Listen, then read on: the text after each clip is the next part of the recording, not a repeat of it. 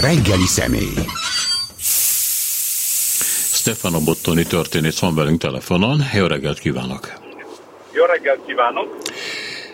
Természetesen az olasz választásokról beszélünk, ahol még végeredmény nem tudunk mondani. Éppen néztem a nemzetközi oldalakat, de hát a, a, a a BBC is csak annyit mondani, hogy annyit tud írni, hogy Olaszország szélső jobb oldala a legjobb úton van, hogy megnyerje a választásokat. Ez most körülbelül állítólag 44 százalék néz ki a Ligának, a Fratelli d'Italiának és a Forza Italiának, tehát Salvininak, Giorgia Meloninak és Berlusconinak. Ez bőven elég ahhoz, hogy irányíthassák valóban az országot. Mit gondol mindenek előtt a részvételről, mert az állítólag alacsonyabb, és nem is kicsivel, mint ami négy éve volt. Tehát mit mutathat ez? Mutathat ez? Igen, jó reggelt kívánok, remélem jó hallanak éppen autózom az ország fele, és tehát nem laboratóriumi körülmények között, de remélem jól hallható, amit mondok. Tehát kezdjük a részvétellel. Valamivel 64 százalék alatt maradt a részvétel, 10 évvel ezelőtt, vagy bocsánat, 5 évvel ezelőtt, 2018-ban 73 százalék volt. Ö, nagyon régen, amikor még én gyerek voltam a 80-as években, surolta 90 százalék. Tehát nyilván, ha onnan, onnan közelítünk egy 85-90 százalékos részvételről, rettenetesen gyenge, és ugye sokan ö, azt mondták, hogy az lám-lám ö, lassan már a nem szavazók pártja a legerősebb. Tehát az olasz ö, ö, ö, lakosság ö, több mint egyharmada egyáltalán nem ö, ö, nyilvánított ö, véleményt. Ha európai mércével mérjünk, akkor még mindig egy középmezőnyben van Olaszország, de ez a, a, ez a 64 százalék valóban egy, egy, egy elég gyenge adat. Délen látni kell, hogy alig 50% fölött lett a, a részvétel, részvétel, tehát ez egy óriási területi különbségek vannak, tehát északon 75-80%-os lett, egyes területeken délen alig 50% feletti, és ez azért sok mindent mond el a társadalom jelenlegi lelkiállapotáról és a kampányról. Nagyon gyors volt a kampány, nagy részt a nyári hónapokban, tehát gyakorlatilag augusztusban zajlott, soha nem szavazott Olaszország szeptemberben, ugye a választásokat 2023 márciusában kellett volna megtartani, ha nem buktatják meg egy politikai manőverrel a, a drági kormány, és az olaszok egy része azért ezt nem díjazta. Tehát nagyon sokan mondták, hogy alig várnak arra, hogy szavazhassanak. Hát tűnik azért mégsem. Tehát ez egy, ez egy nagyon csalóka eredmény, és azért a, a jobboldali koalíció én inkább úgy nevezném, tehát se szélső jobb, sem jobb, tehát ez egy, hogy is mondjam, ez egy ilyen szolid jobboldali koalíció. A 44%-os eredmény nagyjából megfelel annak az eredménye, az eredménynek, amit az utolsó mondjuk 30 évben jobboldali vagy közép jobboldali pártok Olaszországban kaptak. Tehát igazán nem kimagasló se lefele, se felfele. Csak ugye a belső megoszlás megfordult. Tehát régen a Berlusconi pártja volt a, a hegemon párt, aztán 2018-ban a, a, a Salvini vezette ö, ö, liga ért el nagyon jól eredményt. Most egy ö, kemény vagy radikális jobboldali párt lett a, lett a hangadó, de azért ne felejtsük el, hogy itt azért a Forcitál és az Északi Liga is majdnem, tehát körülbelül 9%-os eredményt ért el, tehát ez egy három osztatú koalíció, és együtt tudtak ö, ö, versenyre állni. Tehát itt ö, majd gondolom beszélni fogunk a választási rendszerről is, mert ennek azért vannak tanulságai. E, igen, azért említettem a szélső jobb oldal kifejezést, mert a hát visszafogottságáról eléggé híres BBC ezt használja. Hát gondolom Georgia Meloni-ra tekintettel főleg, vagy nem is rá, hanem a pártjára tekintettel, ami mégiscsak egy ilyen post-Mussolini párt, pártként jött létre, és az igaz, hogy Meloni meg a párt elit az utóbbi időben igyekszik középre húzódni, mondjuk a háború megítélésében, vagy, vagy éppen a, a, az unióhoz való viszony kérdésében, de hát azért mondja mondjuk a BBC, a párt szavazói, a párt tömegei nem változtak. Tehát itt van egy szakadék az elit mostani beszédstílusa és a párt szavazói között. Én, én, hogy is mondjam, én másképp fogalmazni. Tehát nagyon tisztelem, szeretem a BBC-t, szoktam nézni, de az olasz politikát nagyon kevesen érti. Néha magam sem. Tehát, hogy nagyon-nagyon komplikált. Giorgia Meloni pártja 2018-ban 4%-ot kapott. Most 26%-ot kapott. Az ötcsillagos mozgalom, és róluk beszélni kell nagyon sokat, mert én azt gondolom, hogy a társadalmi radikalizmusban ők a legradikálisabbak. Tehát van, ha van egy igazán radikális pár, abból a szempontból, hogy kik szavaznak rá, milyen motivációval és milyen elégedetlenséggel tekintenek a jövőben, akkor ők viszik el a primet, és nem véletlen, hogy az ötcsillagos mozgalom szerepelt a legjobban egész délen 30%-os eredménnyel. Na most ők 2018-ban 33%-ot értek el. 33. Most ugye vissza, körülbelül a felére estek vissza 15-16%-ra, de ahhoz képest, hogy mit jósoltak neki két-három hónappal korábban egy totális összeomlást és 10% alatti eredmény, ez a 15-16 százalék azt mutat, hogy Giuseppe Conte volt kormányfő, egy majdnem választási csodát tudott végrehajtani. A pártból leborzsolódtak emberek, például Luigi Di Maio külügyminiszter, aki összeállt a baloldallal, na most Maio pártucskája nem ért el az 1%-ot sem, tehát gyakorlatilag teljesen súlytalan. Conte viszont a saját pártját úgy tudta pozícionálni, hogy egy nagyon erős déli pozíciókból ezzel a választási rendszerrel sok helyen megelőzte a baloldal. De ha másképp közelítjük meg a, a, a dolgot, az olasz választókban van egy radikális potenciál. Ez korábban Salvini ismerte fel, aztán az ötcsillagos mozgalom, most Meloni. Én nem gondolom azt, hogy az olaszok fasisztábbak lesznek. Egyszerűen mindig megkeresik azt a pártot, ami, ami egyfajta ígéretet tud megtestesíteni, és valamiféle reményt ad.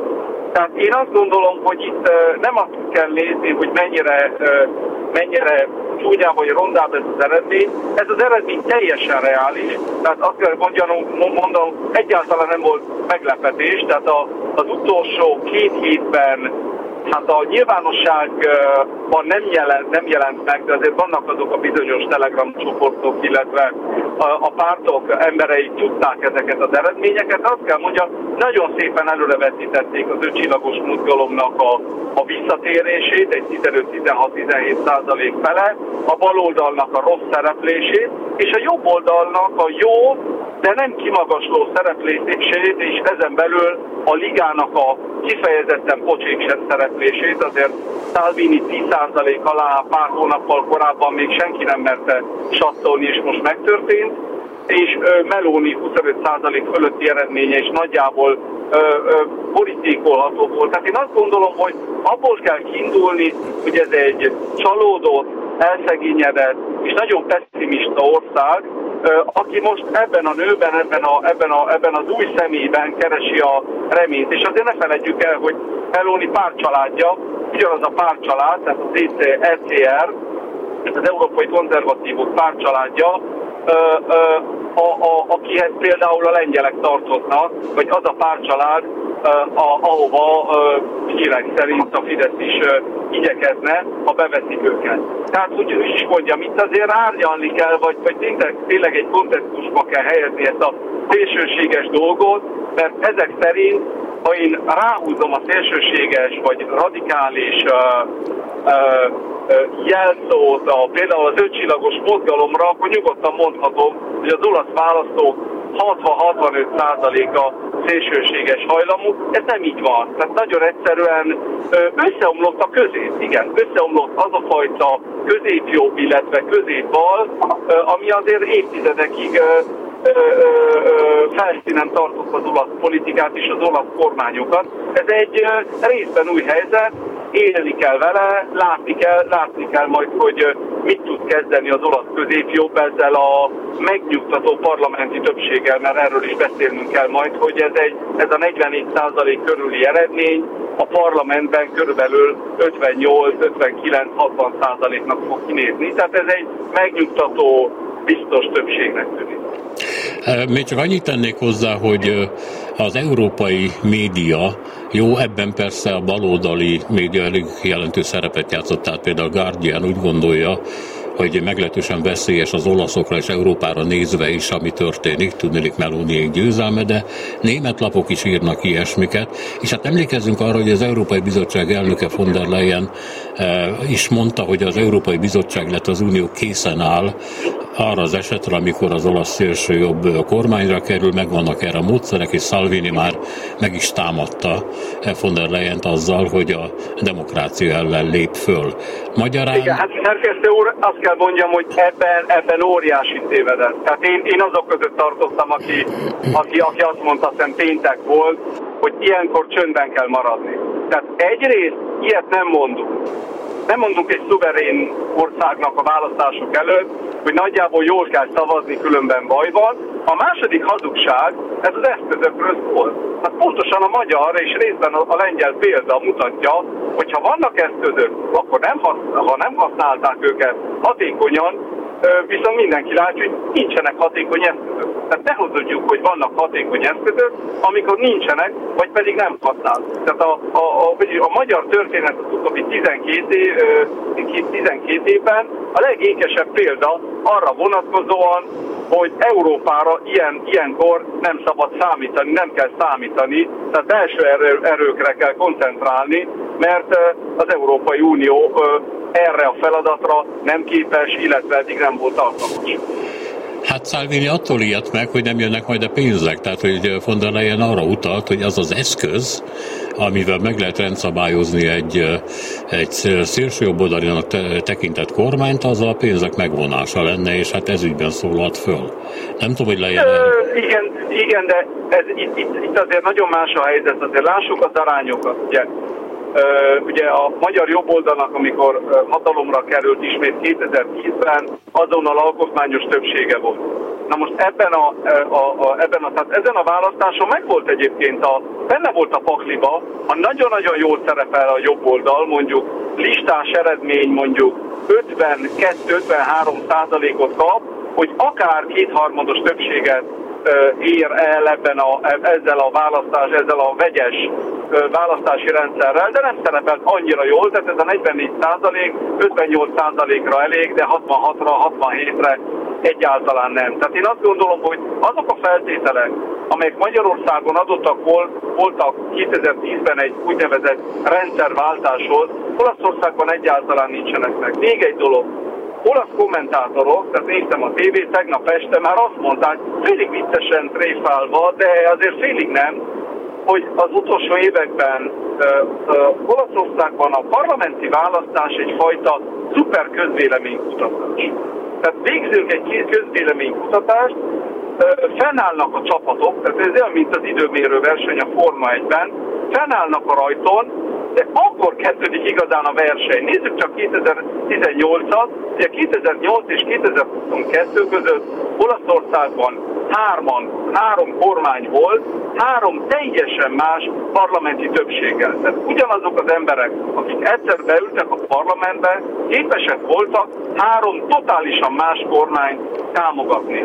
Ki nem mondja meg nekem, hogy az a 400, illetve 200 ember, aki most ült be a parlamentben, nem fog hasonló módon viselkedni. Nincs erre semmilyen garancia. Tehát én azt gondolom, hogy az olasz politika olyan mértékben képlékeny, hogy igazán ezeket a rendszerváltásokat és ezeket a nagyon radikális lépéseket is azzal képes megakadályozni, hogy mindig van egy mikrocsoport, mindig van egy lobby, egy korporáció, valamilyen érdekcsoport, aki képes megakadályozni azt, hogy valamelyik szereplő túl nagyra nőjön. Ez, ö, hogy is mondjam, a, nem javít a kormány, kormányzatosságon, ugyanakkor eddig mindig megakadályozta, hogy valaki túl nagyra nőjön, és, és mondjuk hát úgy kezdjen el viselkedni, mint mondjuk Lengyelországban a PISZ, vagy éppen Magyarországon a Fidesz. Nézzük akkor, hogy mire lehet számítani. Három erős egyénisége van ennek a kormánynak, ez önmagában olyan sok jót nem jósol, és hát ezügyben is van véleménye persze az európai médiának, és ez nem biztató már, mint a kormány szempontjából. Most nem arra célzok, hogy ugye Berlusconi, akinek ez irányú képességeit ismerjük, kijött a szavazó fülkéből, és azt mondta, hogy hát ő már érzi, hogy a Forza Itália az 10% fölött lesz, hát nem lesz, valamint, hogy nagyon ügyes fi, fiúcskának tartja Salvinit meg Melonit, de hát egyiknek sincs gyakorlati irányítási tapasztalat, ezért majd ő fog hátulról irányítani, hát ez gondolom ez is csak egy tréfa, de az, hogy Salvini és Meloni között komoly feszültségek vannak, több fontos témában, például a háború megítélésében, az Oroszországhoz való viszony tekintetében, vagy éppen most az Unióhoz való viszony tekintetében, az biztos, és az is biztos, hogy Salvini nagyon nem szeret második ember lenni, még ha abban a szerepben van is. Tehát várhatók nagyon komoly konfliktusok biztos várható. Azért ne felejtjük el, hogy 2013-ban, tudom, hogy vissza kell menni kicsit a történetben, de én történész vagyok, más, más nem tehetek, megyek vissza az időbe, keresem a fogodzókat. Tehát 2013-ban Salvini úgy veszi át a ligát, hogy a liga 4% körüli eredményt ér el, ami az utóbbi 35 évben a legrosszabb eredmény a liga számára. Ezt az eredményt feltornázta a 17%-ra 2018-ban. Ezzel csak azt akarom mondani, hogy a liga számára ez a 8-9% ez egy nagyon pocsék eredmény, de igazán volt már a ligai ilyen, ilyen állapotban, sőt, volt rosszabb állapotban. A probléma a ligával az, hogy Salvini leépítette a hagyományos észak-olaszországi bázisokat, és azért én még egyszer nagyon szeretem a fősodrású nyugati médiát, de jöjjenek el Trevízóban, ami Olaszország egyik leggazdagabb városa, és amit 30 éve irányít a liga, ez nem egy szélsőséges pár. Tehát ott, ahol kormányoz, Olaszország legnagyobb tartományaiban, Lombardia, Veneto, Piemonte, Friuli, Venezia, Giulia, ott a liga úgy viselkedik, mint a CSU. Tehát ez, úgy kell elképzelni, hogy ez egy bajor párt, csak éppen nem Bajorországban vagyunk, hanem valahol Észak-Olaszországban. Na most ezeket a bázisokat most eszméletlenül erodálta Salvini azáltal, hogy egy regionalista pártból egy olasz nemzeti szövetséget, egyfajta nagy, nagy tehát országos, országos kiterjedésű nacionalista pártot akart faragni, és délen is akart nagyon jó eredményeket elérni.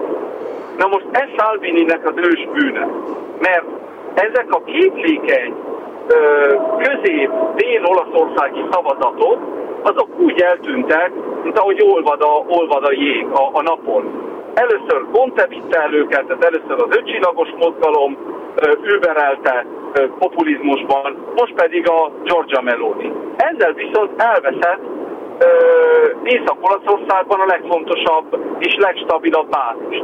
Tehát én azt gondolom, azt mondják az olasz kommentátorok, hogy Salvini körülbelül kap, tehát politikailag egy nagyon-nagyon gyenge alkotpozícióban van, lehet, hogy vindikálja majd magának a belügyminisztériumot, de egyáltalán nem biztos, hogy Meloni köteles neki ezt, hogy is mondjam, megadni, mivel még a 10% alá is szerepelt, és tehát a, a két párt erő viszonya körülbelül egy a három, ami azért egy, egy nagyon durva, nagyon durva a arány.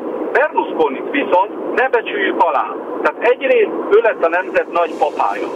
Tehát Berlusconi most már abban a pozícióban van 80 évesen, hogy bármit mond, gyakorlatilag nem tudsz rá haragudni. Tehát maximum azt mondod, hogy jó van tata, minden rendben vagy, menj vissza a Tehát Berlusconi 8,5%-a nagyon sokat érhet azért, mert egyrészt ő nem tréfál akkor, amikor azt mondja, hogy majd megkíséri Melónit az európai politikába, megkíséri Melónit a jó társaságokban. Igen, mert ő ott van 30 éve. Tehát lehet őt kiröhögni, kinevetni, lehet rajta mosolyogni, de igenis Itália az egyetlen olasz párt, például az, ola, az, olasz, az, az európai néppártban, és Itália, akit, amit már nagyon sokszor eltemettünk, még mindig ott van 8% fölötti eredményen, és mivel nagyon jól szerepelt a, a középjobb az egyéni mandátumokon biztos vagyok benne, hogy a parlamentben bőven 10% fölött fog szerepelni. Ami egyáltalán nem rossz, ez egy közép jobboldali pártól, ez egy ma, manapság, ez egy nem rossz, nem rossz eredmény. Tehát én azt gondolom, hogy ez a három osztatú helyzet, ez sokkal dinamikusabb, mint ahogyan tűnik. Meloni túlnyerte magát, tehát nagyon-nagyon sok mindent kapott, de gondoljunk bele, hogy Meloni pártjának nincs egy darab polgármestere jelentős városban, és nem irányít, nem irányít egyetlen olasz tartomány sem. Tehát az olasz hatalom, hogy is mondjam, igazi lelőhelyeiben igazán nincs még beágyazott. Ez idő.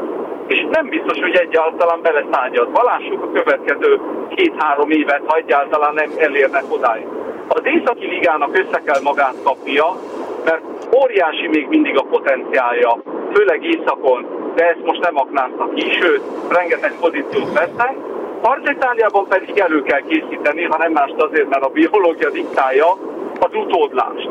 Tehát, hogy mi legyen Berlusconi után, és most dől el, hogy ez a pár tud-e még létezni Berlusconi nélkül, vagy pedig egyszerűen Berlusconi nélkül ö, ö, hát elhalványul, elhal, és akkor az a 8-10 százalékos tagság, aki eddig kitartott, az hova fog menni, mert ez a tagság, ez nem baloldali tagság, tehát ez a középjobb koalíción belül marad. Kérdés, hogy kerese magának új pártot, vagy nem megy el szavazni, vagy mi fog történni, de hát ez még a bőven a jövő zenéje. Azt mondta, hogy hát ami Szalvirit meg, meg Melonit illeti, nem várható, hogy két fejű lesz ez a koalíció, mert Szalvini kezében nincsenek nagyon kemény kártyák, és nem biztos, hogy a, megkapja a belügyminiszterséget, de hát akkor mit kap? És nem fenyegete az a veszély, hogyha túl keveset kap, tehát Meloni megpróbálja bebiztosítani magát Szalvinitól, hogy kilép a koalícióból.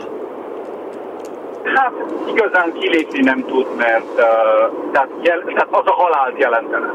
Tehát ilyen eredménnyel és ilyen jobboldali koalíciós eredménnyel a ligának bent kell lenni a kormányban. Tehát azért nem teheti meg azt, amit, amit a drági kormányjal tett, hogy egyik lábbal kormányozott. Egyébként ez nagyon, nagyon banális, amit mondok, nagyon egyszerű, de ez valószínűleg így van. Ne feledjük el, szerkesztő úr, hogy a drági kormányt hivatalosan a parlamentben mindenki támogatta, kivéve Georgia Meloni pártja. Uh-huh. És tehát nem teljesen meglepő, hogy Georgia Meloni pártja ennyire megerősödött, tehát olyan szörű koalíció volt Drági mellett vagy mögött, amiben ugye a demokrata párt, az ötcsillagos mozgalom és az északi liga meg a harci szállják mind egymást, együtt kellett kormányozza. Tehát ez egy teljesen egy természetellenes állapot volt, és a liga ebből nagyon sokat vesztett. Nagyon sokat vesztett a saját szavazó bázisában, olyan kormányt kellett támogatnia, amely sok kérdésben homlok egy radikálisan más álláspontban volt. Tehát igazán azt gondolom, hogy most visszaállt egyfajta rend azáltal, hogy egy korábban ellenzéki párt nyert, meggyőzően, de azért nem ért el a 30%-ot, nem ért el az 50%-ot a parlamenti paktukokban, tehát igazán ez egy normális arányú győzelem, nevezzük, neve, nevezzük így, sőt, ha megnézzük azt, hogy konkrétan hányan szavaztak Melónira, ö, figyelembe véve a, a választási részvételt, ez egyáltalán nem lesz kimagasló. Tehát az ötcsillagos mozgalom 2018-ban több mint, jóval több mint 11 vagy 12 millió szavazatot kapott, most nem néztem meg a arányosan mennyit, kap, mennyit fog kapni Giorgia Meloni, de persze jó néhány millió, tehát egy nagyon komoly bázis, de nem éri el azt a bázist. Tehát én, én csak azt akarom mondani, hogy ö, ugye Meloni nincs abban, a, tehát Meloninak szüksége van egy kompakt jobboldali koalícióra, ez teljesen biztos, de Salvini-nak ugyanannyira, tehát legalább ugyanannyira szüksége van arra, hogy bevegyék a koalícióba, legyen egy pár minisztere, kormányozzon, és, ja, és, és még valami, hogy Európából dőljön a pénz. Tehát, ez, tehát, tehát az, a, az a 200 milliárd részben kölcsönök, részben visszanemtérítendő támogatások, amit Olaszország kapott az újjáépítési alapból, ezt el kell költeni, mert ebben a, válasz, ebben a, ebben a helyzetben, amikor recesszió közeledik, az infláció 10% környékén van, ami Olaszországban nagyon magas, ugye Magyarországon örülnénk egy, egy 10%-os inflációnak, de az olaszok egyáltalán nem örülnek neki, nagyon magasnak tartják. A következő fél év nagyon-nagyon kemény lesz, tehát szükség van, mint a, a jobboldali koalíciónak szükség van Európa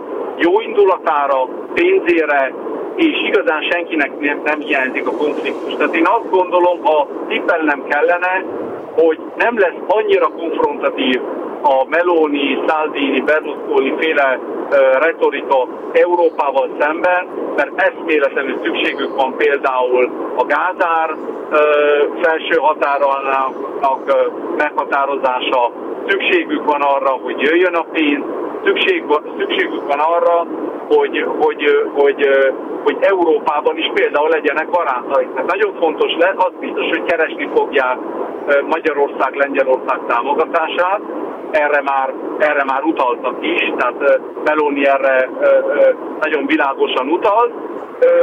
Ez, e, ezek az országok nem tudnak létrehozni bizonyos kérdésekben még egy blokkoló kisebbséget, tehát bizonyos döntéseket nem tudnak megakadályozni, de jelezhetik Brüsszel fele, hogy az irányszél megváltozott, és hogy nem lehet annyira keménykedni, mert különben a választók ezt majd, a, ezt majd megbüntetik.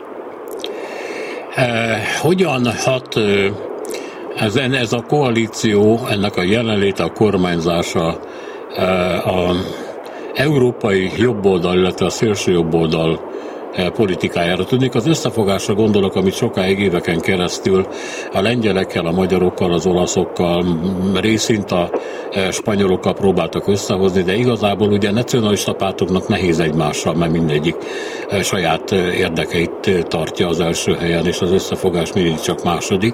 De azt mondják, hogy Orbán Viktor örülhet annak, hogy jön Melóni, és ha megnézzük, akkor már a harmadik vagy negyedik magyar politikus üdvözli Melóni győzelmét, és akkor még Orbán meg se szólalt.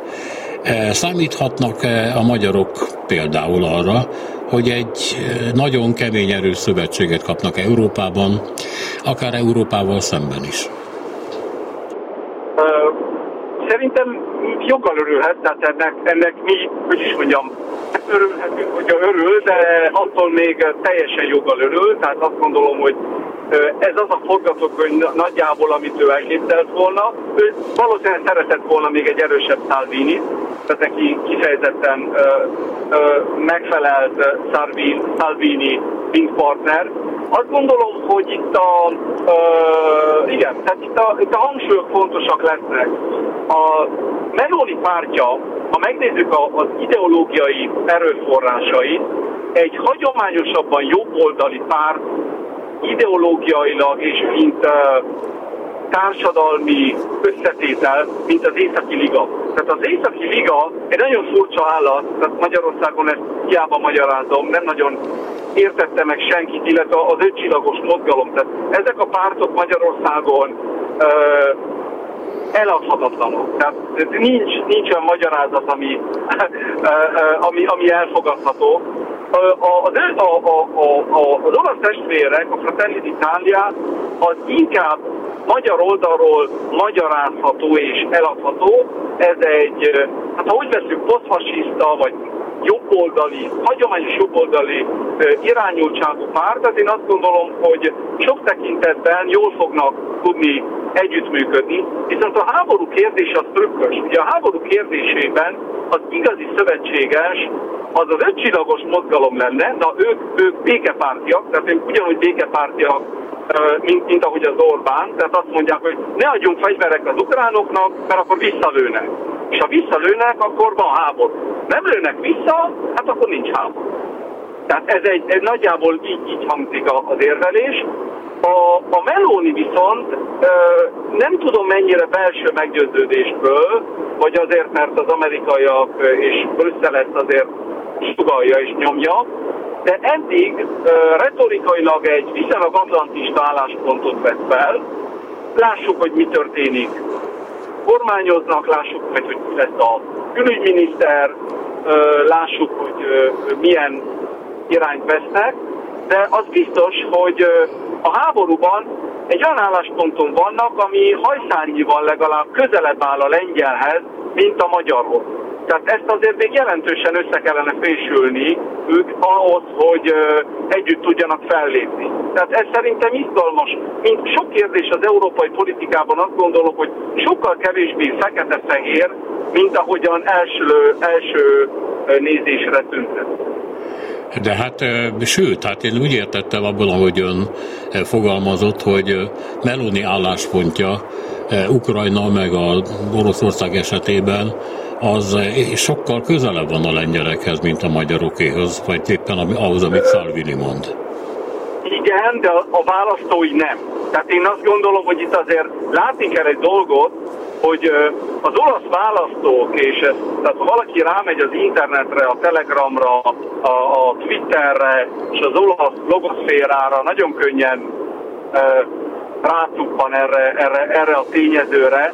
Az olasz választók jelentős része nem kíván nagyobb beavatkozást a, a, orosz-ukrán háborúban.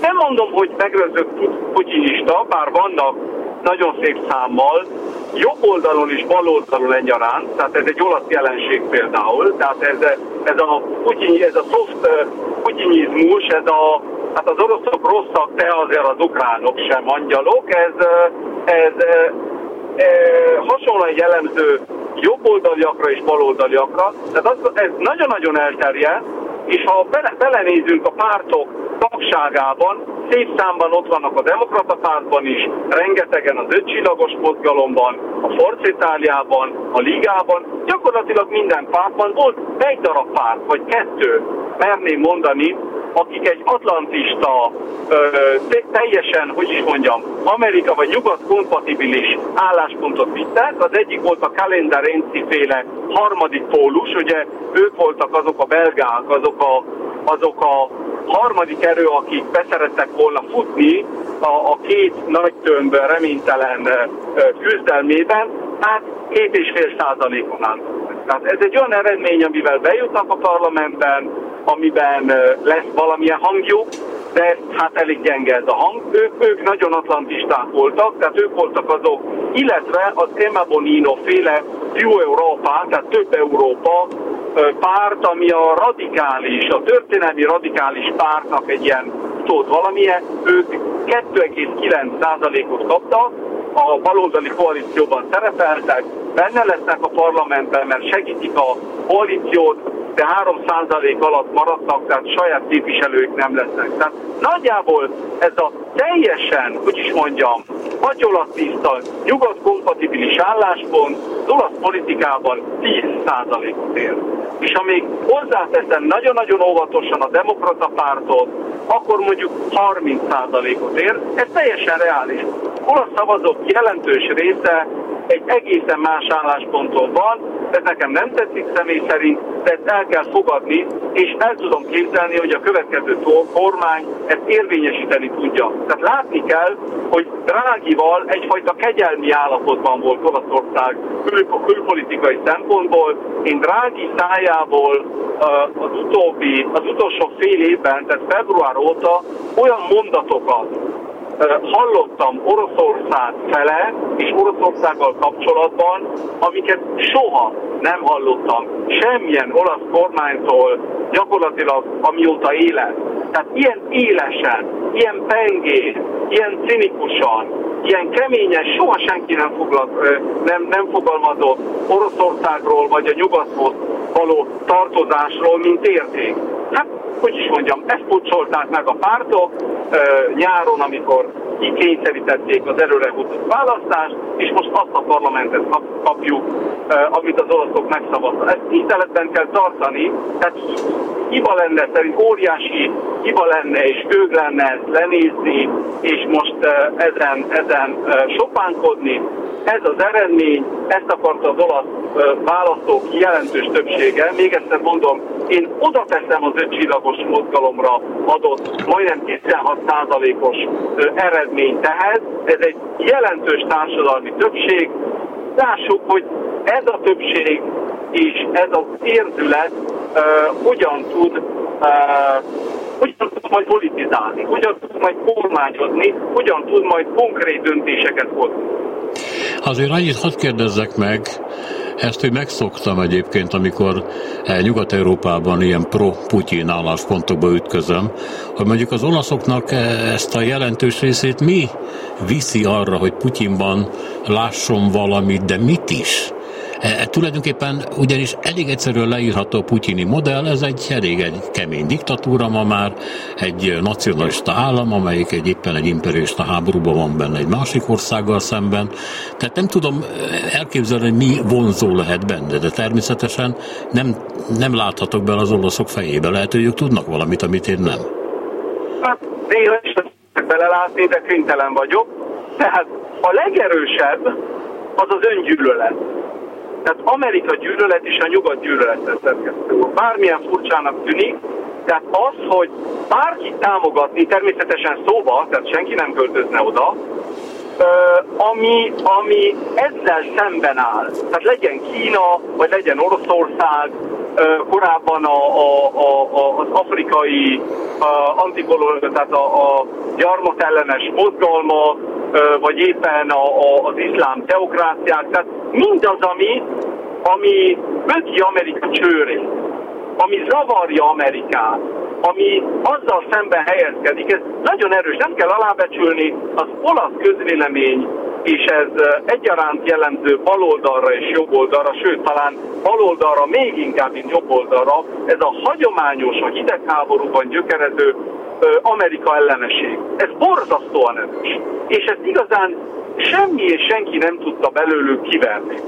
A második tényező ugye az erős ember irán, iránti csodálat, ez nem ideológiai, ez abból fakad, hogy rengeteg kormány van Olaszországban, acsarkodó a politika, és azt mondják, hogy mennyire jó lenne egy stabil rendszer. Hát a putyini rendszer az utóbbi 23 évben viszonylag stabilnak mutatkozott, legalább belpolitikailag, akkor való annyira stabil, ugye már nagyjából a választások sincsenek, tehát azokat, azokat is úgy, nem úgy bolondítják le, mint, mint máshol a világon, tehát ez nagyon stabil.